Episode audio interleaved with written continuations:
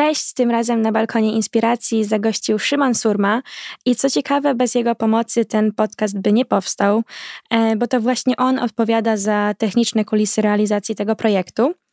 E, Szymon jest fanem dobrych dźwięków, o których jakość na co dzień dba, e, gdyż studiuje realizacji dźwięku i opiekuje się studiem nagrań w siedzibie Impactu. Cześć Szymon. Cześć. Jesteś jednym e, z pomysłodawców projektu Impact in Rap, e, w wyniku czego powstał album e, oraz studio, w którym aktualnie działasz nad wieloma pomysłami młodych twórców, którzy się do ciebie też zgłaszają. Mm, I jak z perspektywy czasu oceniasz realizację tej inicjatywy?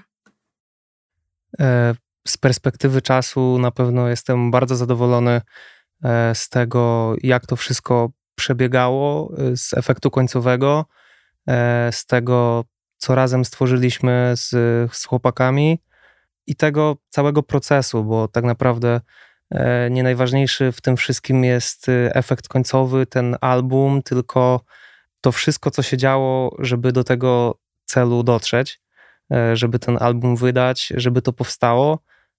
To były miesiące wspólnej ciężkiej pracy jestem bardzo zadowolony, tak jak już mówiłem. E, oceniam to bardzo dobrze, mimo tego, że były problemy. E, nie udało nam się zrealizować niektórych rzeczy, które, które planowaliśmy, ale zrobiliśmy też rzeczy, których też na początku nie planowaliśmy. Wpadły pomysły w trakcie tworzenia projektu i okazało się, że były bardzo dobre.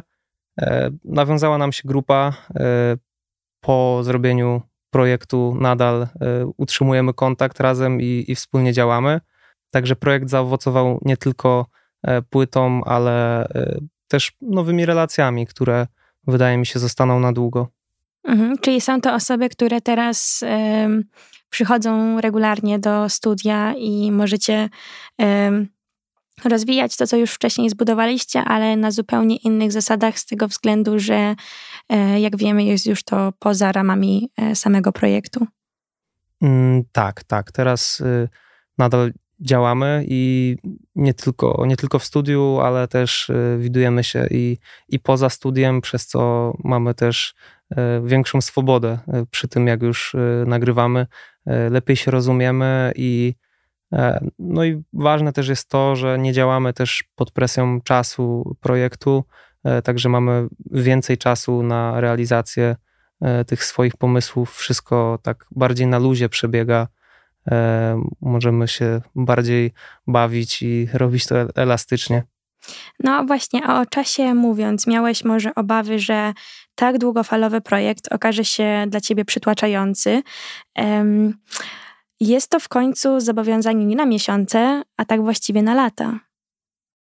E, gdy planowaliśmy projekt, e, to nie miałem żadnych obaw e, o rzeczy negatywne, które mogą się wydarzyć, ewentualne frustracje, bo to było tak silna chęć, tak silne marzenie do zrobienia tego, że my nawet nie myśleliśmy, jakie to mogą być przeciwności i i czy warto stawić im czoła, tylko po prostu e, wiedzieliśmy, że jakie by one nie były, to, to trzeba będzie je przezwyciężyć. Ta chęć z, zrealizowania tego projektu była taka mocna, że, że to nie miało znaczenia, także nie myśleliśmy o tym, czy, czy będą się wiązały z tym jakieś frustracje, ale tak, wynikło w, w czasie projektu parę rzeczy, które można powiedzieć były przytłaczające pod koniec projektu e, zdecydowanie, bo żeby dopiąć wszystko, wydać tą płytę, e, zdążyć e, z, z okładkami, z masteringiem wszystkich utworów i żeby to wszystko ukazało się na czas, to trochę się odłożyło na, na sam koniec, bo wcześniej może nie było to wszystko robione na, na bieżąco, ale to tak, tak wygląda po prostu, że co chwilę do jakiegoś utworu zaglądaliśmy i, i edytowaliśmy jakieś rzeczy, poprawki robiliśmy. Także nie dało się tego wszystkiego zamykać od razu, że nagramy numer, minie tydzień, temat zamknięty i jest koniec. E, tylko po miesiącu na przykład wracaliśmy i nawet w niektórych kawałkach wyrzucaliśmy e, całą zwrotkę i nagrywaliśmy jeszcze raz. E, także po prostu na sam koniec po już wszystkich poprawkach z tych utworów znowu nagromadziło się sporo pracy, żeby każdy utwór już tak sfinalizować, żeby powiedzieć: OK, to już jest gotowy produkt, nie ruszamy tego, można to ładować na płytę. Ostatnie parę tygodni, może nawet i miesiąc, to była ostra jazda, że tak powiem. Mhm. A w sumie ciekawi mnie, czy szliście bardziej z takim flow i e, bazowaliście na impulsach podczas tworzenia albumu, e, czy raczej to była taka strategia już precyzyjnie opracowana i mm, taki proces twórczy, który gdzieś dojrzewał w czasie?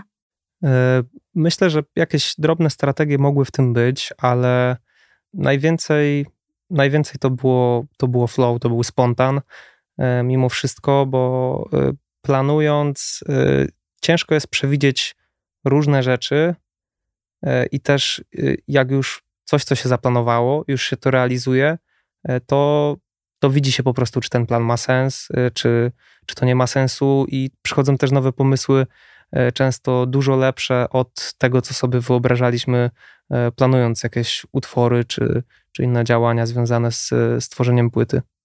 Mhm. A nie frustruje cię fakt, że na ten moment pracujesz w studiu i nie masz z tego e, zysku? Równie dobrze przecież mógłbyś e, porzucić ten wolontariat mm, i działać w miejscu, które e, przyniosłoby ci zarobek. Jak się na to zapatrujesz? Na pewno, na pewno nie jest to frustrujące ze względu takiego, że zysk, nie mam zysku materialnego w postaci postaci pieniądza, ale na pewno zyskuje tutaj e, cenne doświadczenie e, w pracy i to jest dużo cenniejsze niż, niż pieniądze na tym etapie, na którym jestem. E, poza tym, nawet jakbym miał możliwość odciąć się od tego i powiedzmy gdzieś na własną rękę robić to za pieniądze, to na tym etapie swoich umiejętności nie, nie zrobiłbym tego, bo nie uważam jeszcze, że, że moje umiejętności są na takim poziomie, aby, aby prowadzić taką działalność.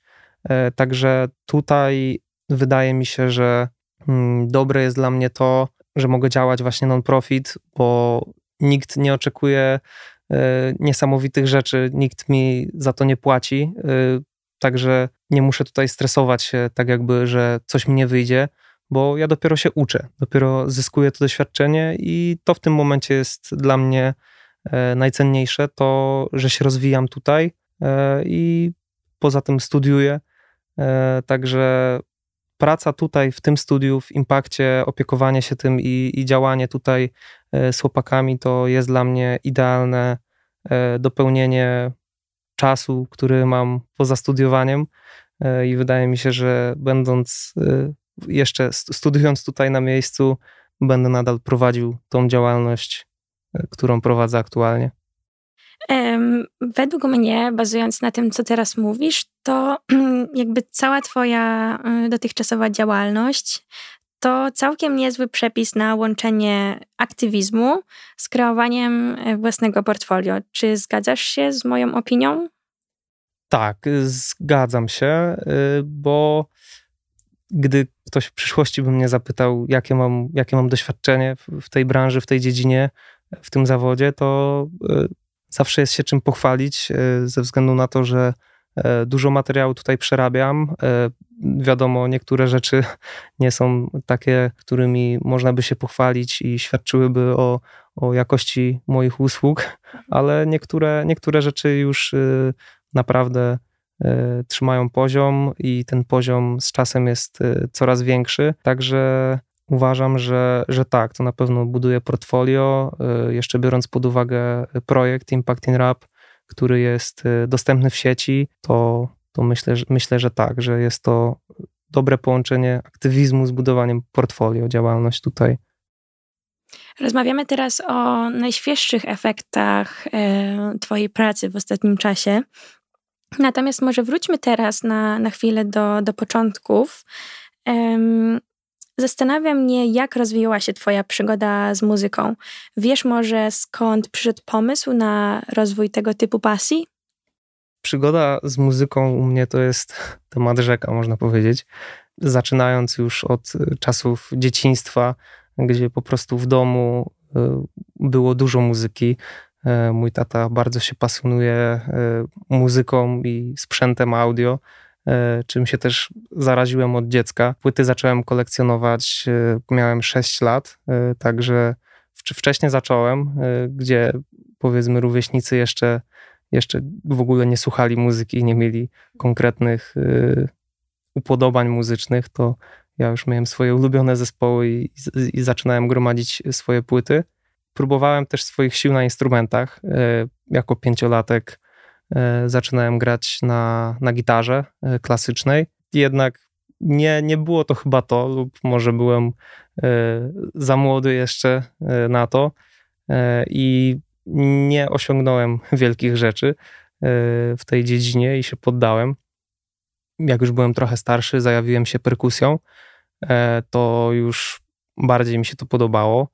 E, niestety nie fart chciał, że złamałem sobie rękę i musiałem zrobić przerwę od perkusji. E, później po odzyskaniu sprawności znowu zacząłem grać i już było coraz lepiej. Też musiałem poświęcić trochę czasu, żeby odświeżyć sobie poprzednie poprzednią wiedzę i umiejętności i, i dopiero od tego iść dalej. I niestety znowu nie fart chciał, że ponownie złamałem sobie rękę. E, I później pamiętam już, e, już nie wróciłem do tego e, od razu, bo jakoś tak chyba zniknął zapał. To były duże, duże odstępy czasowe. Znowu musiałbym nadrabiać wszystkie umiejętności, a też nie, nie robiłem tego ze względu na to, że miałem jakieś marzenie o, o graniu w zespole, czy nie wiązałem z tym przyszłości zawodowej, tylko była to po prostu rozrywka, pasja, jakaś tam dodatkowa zajawka. Dalej tak naprawdę z rzeczy związanych z muzyką, taką już, którą robię teraz, to najwięcej wydarzyło się podczas kwarantanny. W 2020, e, kiedy był, był okres zamknięcia szkół i, e, i siedziało się dużo w domu. Wtedy zgromadziłem niezbędny sprzęt do nagrywania e, i razem z kumplami u mnie w pokoju z kocem na głowie i z parawanem, mikrofon na statywie i na jednych słuchawkach nagrywaliśmy nasze pierwsze utwory tak się zacząłem uczyć miksu. E, jeszcze wcześniej, zanim, zanim zacząłem to robić, to gromadziłem tylko wiedzę, ale nie działałem e, jeszcze nic w praktyce.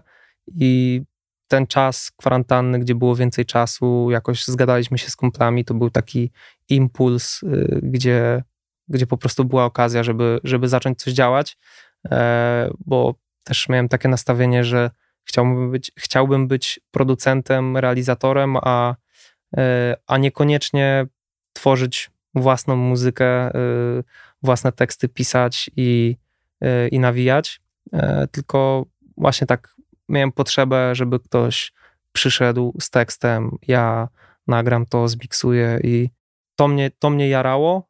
Teraz w obecnym momencie w zasadzie nadal tak jest, ale próbuję też swoich sił e, w, w tworzeniu własnej muzyki. Jeszcze nic się nie ukazało, e, ze względu na to, że jestem perfekcjonistą e, i dopóki nie będzie to naprawdę dopracowane na tyle, na ile wiem, że potrafię na ten moment, to, to nie podzielę się z tym ze światem. To jest bardzo ciekawy wątek w ogóle i chciałabym go teraz poruszyć tak spontanicznie z tego względu, że E, czasami wydaje mi się, że perfekcjonizm jest niejako pułapką naszego umysłu, ale super do niego dążyć. I mm, wiesz, zawsze jest tak, że właśnie artyści tworząc co, coś dzisiaj tu i teraz, chcą tworzyć to na maksa, właśnie na mm, miarę skali swoich własnych możliwości. Ale pytanie, czy jak wracasz do tego, na przykład załóżmy, stworzysz coś dziś i wrócisz do tego za parę miesięcy, czy czujesz pewien niedosyt tego, że e, zrobiłeś ten progres i właściwie to można by już dziesiątki rzeczy poprawić w tym, co zrobiłeś kiedyś? Czy dlatego właśnie tak e, zwlekasz z publikacją niektórych projektów z tego względu, że no właśnie, jaka jest ta twoja percepcja, że, żeby zaspokoić ten perfekcjonizm w ramach realizacji tego projektu, czy, czy jak? Znaczy, to tak wracając do czegoś po, po czasie, to tym bardziej stwierdzam, że się to nie nadaje, bo tutaj umiejętności się rozwijają bardzo szybko i tak jak mówiłaś, miesiąc czy tam parę miesięcy to jest naprawdę duży okres czasu, jeśli chodzi o, o zmianę umiejętności. I te projekty to są takie bardziej niedoróbki, że ja na etapie e, tworzenia czegoś już się poddaję i mówię, że kurde, to jeszcze nie jest to, jeszcze, jeszcze, jeszcze brakuje tutaj dużo i porzucam po prostu. E, nie uważam, że to jest jakiś błąd czy coś, bo ja po prostu w ten sposób się, się uczę. Mam tak mówiłem, większe doświadczenie z, z tą realizacją i, i z tą produkcją, bo na tym się skupiałem, e, a to traktuję tak pobocznie, także nie jest to, nie jest to jakiś główny temat, e, także to tak tylko e, zajawkowo na boku, ale na razie nie planuję z tym mm, przyszłości większej, żeby być wykonawcą, artystą. Robię to na boku, co się E, co się z tego rozwinie, to, to zobaczymy. Mhm, czyli robisz to gdzieś e, po cichu, e, skupiasz się nad tym w wolnych chwilach. A skąd czerpałeś wiedzę na temat tego, jak zbudować studio? Wydaje mi się, że tutaj szczegóły grają ogromną rolę i też w ogóle to jest fascynujące, że udało Wam się stworzyć coś takiego w relatywnie szybkim czasie. Mm, I tak naprawdę spontaniczna myśl, w ogóle jakaś taka wizja e, sprawiła, że znaleźliście fundusze na to, żeby taki projekt też e, zrobić i żeby studio powstało. E, tutaj fundamentem tego wszystkiego, wiedzy całej o tworzeniu studia i zorganizowaniu tego pomieszczenia, w którym jesteśmy, był mój tata, który E, zawodowo zajmuję się e, nagłośnieniami i, i akustyką. E, większość wiedzy czerpałem od niego, ale to też nie na takiej zasadzie, że tato przyjdź zrób, tylko czerpałem ja wiedzę swoją z książek i z internetu, bo internet to jest skarbnica wiedzy i można tam dowiedzieć się wszystkiego. I później tą swoją wiedzę dopełniałem o to, co mi na dany temat powie tata.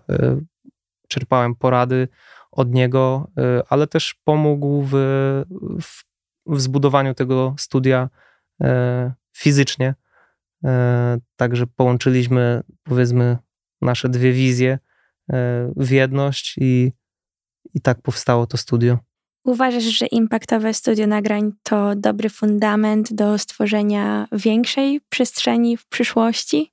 Ciężko powiedzieć, bo plany odnośnie przyszłości się zmieniają z dnia na dzień i uważam, że możliwości tutaj są, są duże, ale są też pewne e, ograniczenia, powiedzmy, fizyczne, ze względu na, na to, jaki to jest budynek i E, ograniczenie też, też miejsca.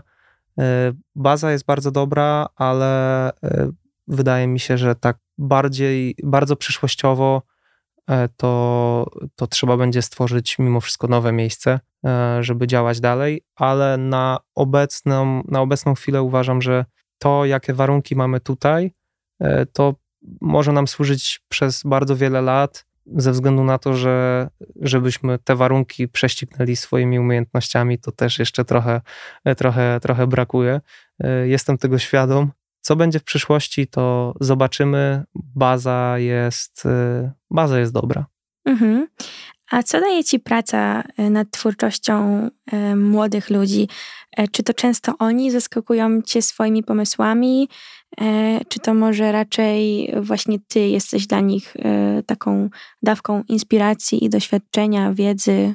E, jeśli chodzi o pomysły, to realizując, tworząc numery z chłopakami, to są ich pomysły na kawałki, ich wizja, którą ja po prostu technicznie realizuję i, i staram się zawsze odwzorować i, i zrobić to w taki sposób, jak, jak, oni, jak oni to chcą, jak oni to sobie wyobrażają, jak mi powiedzą, że chcą, żeby było.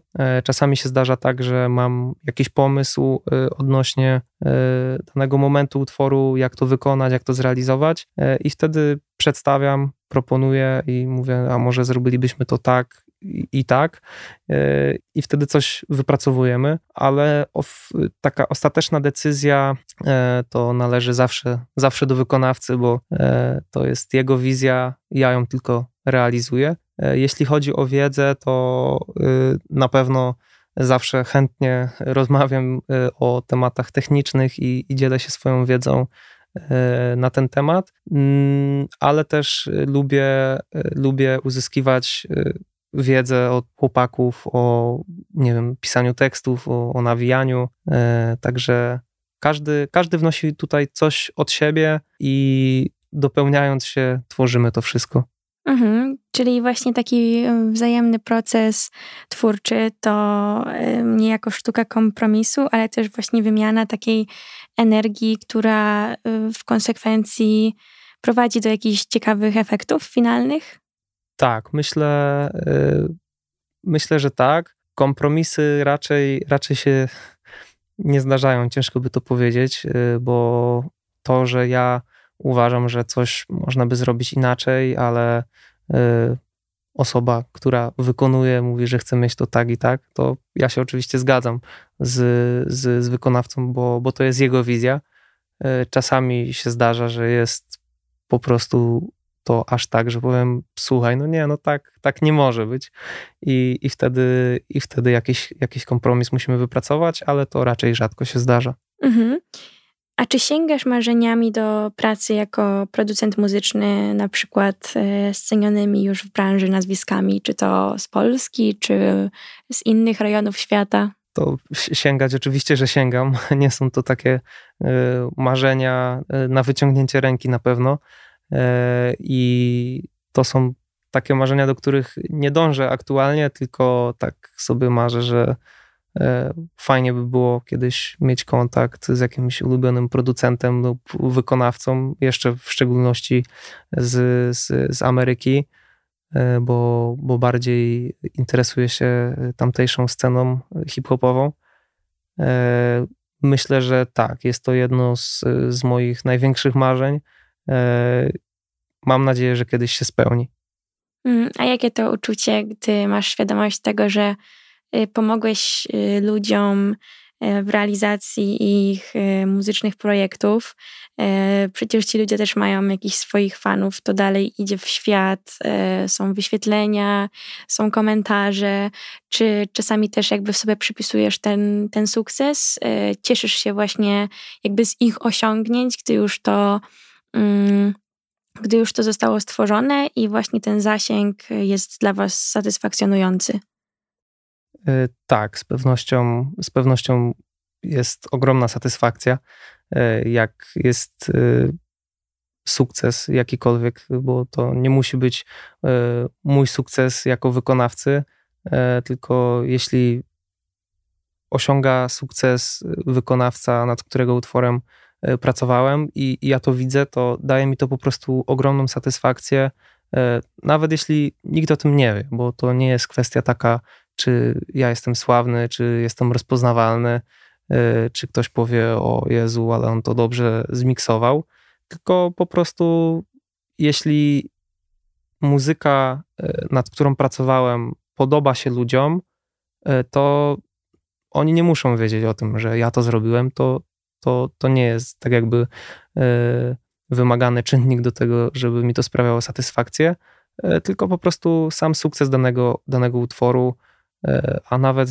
nie musi być to sukces jakiś mm, medialny lub, lub wśród słuchaczy, tylko satysfakcję samą sprawia to, jeśli wykonawca po pierwsze jest zadowolony ze swojego utworu i i po prostu razem cieszymy się z tego, że, że stworzyliśmy coś fajnego.